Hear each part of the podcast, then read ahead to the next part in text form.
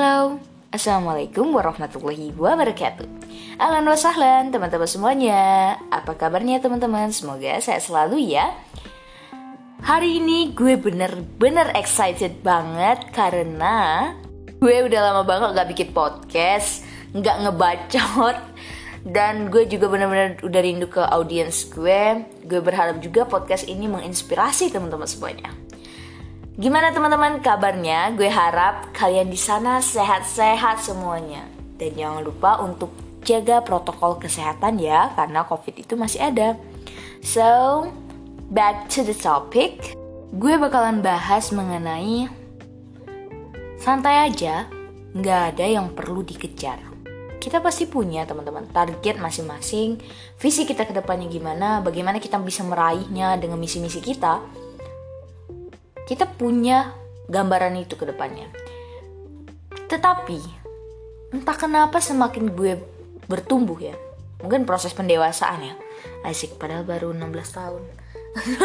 Tetapi bener-bener ngerasa target, visi yang enggak kecapai itu seolah-olah menjadi racun bagi gue sendiri. Jadi toxic gitu.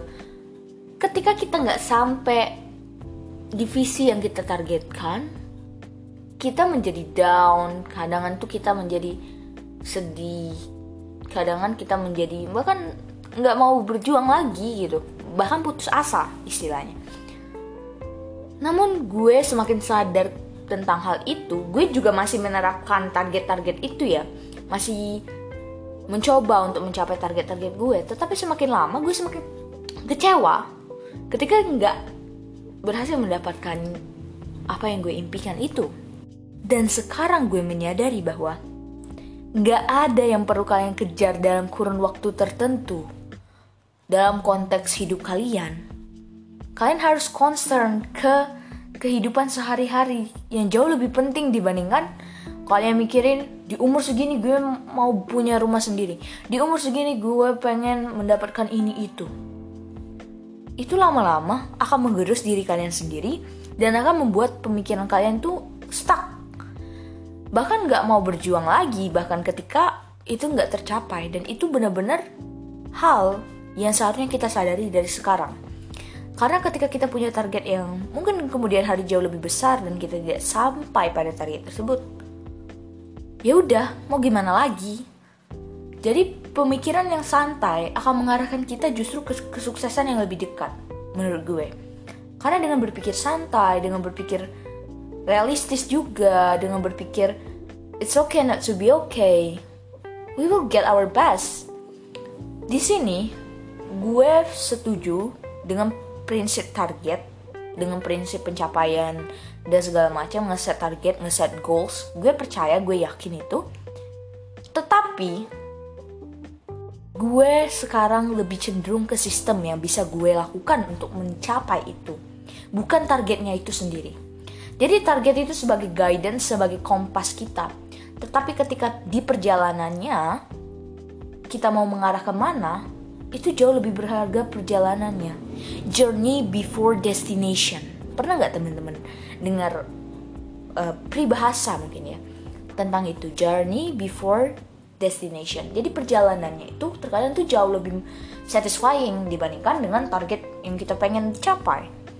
Dan mindset itu benar-benar mengubah hidup gue bahwa nggak ada yang harus kalian perlombakan, nggak ada yang harus benar-benar kalian kejar. Ya istilahnya tuh ikut alur aja. Tetapi ikut alur yang kalian tahu alur itu bakal bawa kalian ke mana gitu. Jadi istilahnya gini, kalau gue analogikan, misalnya nih kita sedang wisata ke sungai. Kita melihat pemandangan yang indah dan seterusnya. Di titik akhir ada tempat yang harus kita tuju. Di titik itulah tujuan kita. Nah, dengan mengarungi sungai itu menggunakan ban karet misalnya, kita akan jauh lebih santuy gitu, asik melihat pemandangan di sekeliling yang hijau, pohon-pohon. Kita bakal lebih santai. Dibandingkan kita naik ban karet itu dan terus fokus terus aduh kapan sampainya nih? Kapan sampainya nih?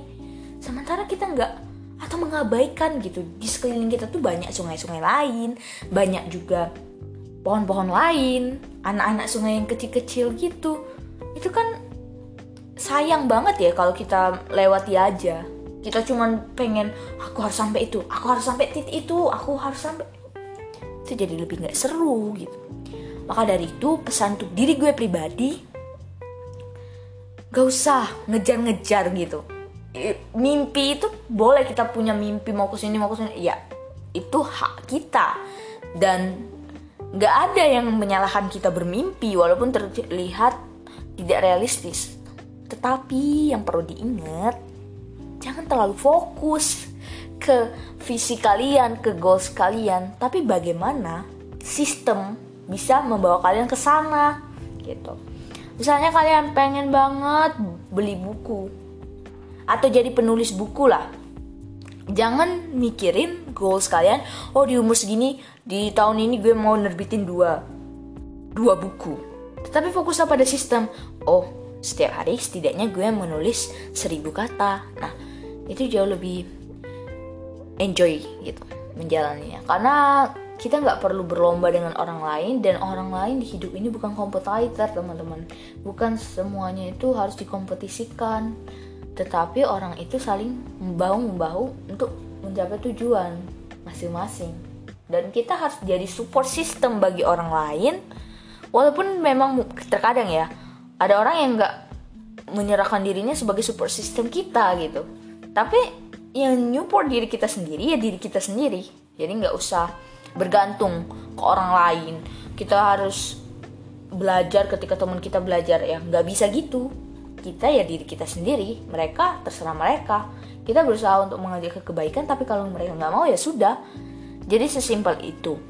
Agar juga pemikiran kita terhadap toxic itu sendiri berubah. Maksudnya begini banyak orang bilang toxic banget sih orang ini ngomongnya nggak benar. Tetapi mereka juga punya toxic yang lain. Mereka toxic dalam pemikiran. Bahkan mungkin mereka nggak ngomong tapi pemikiran mereka kotor misalkan. Atau mungkin toxic dalam pertemanan. Mereka cuma take benefit tapi nggak mau kasih attention ke teman mereka yang lain. Mereka hanya mau memanfaatkan. Ada juga yang mungkin toxic relationship atau juga toxic ke diri mereka sendiri misalkan makan makanan yang nggak sehat itu kan juga toxic bagi diri kita sendiri. Nah itu. Jadi perlu diperhatikan kita nggak perlu berlomba ke orang lain.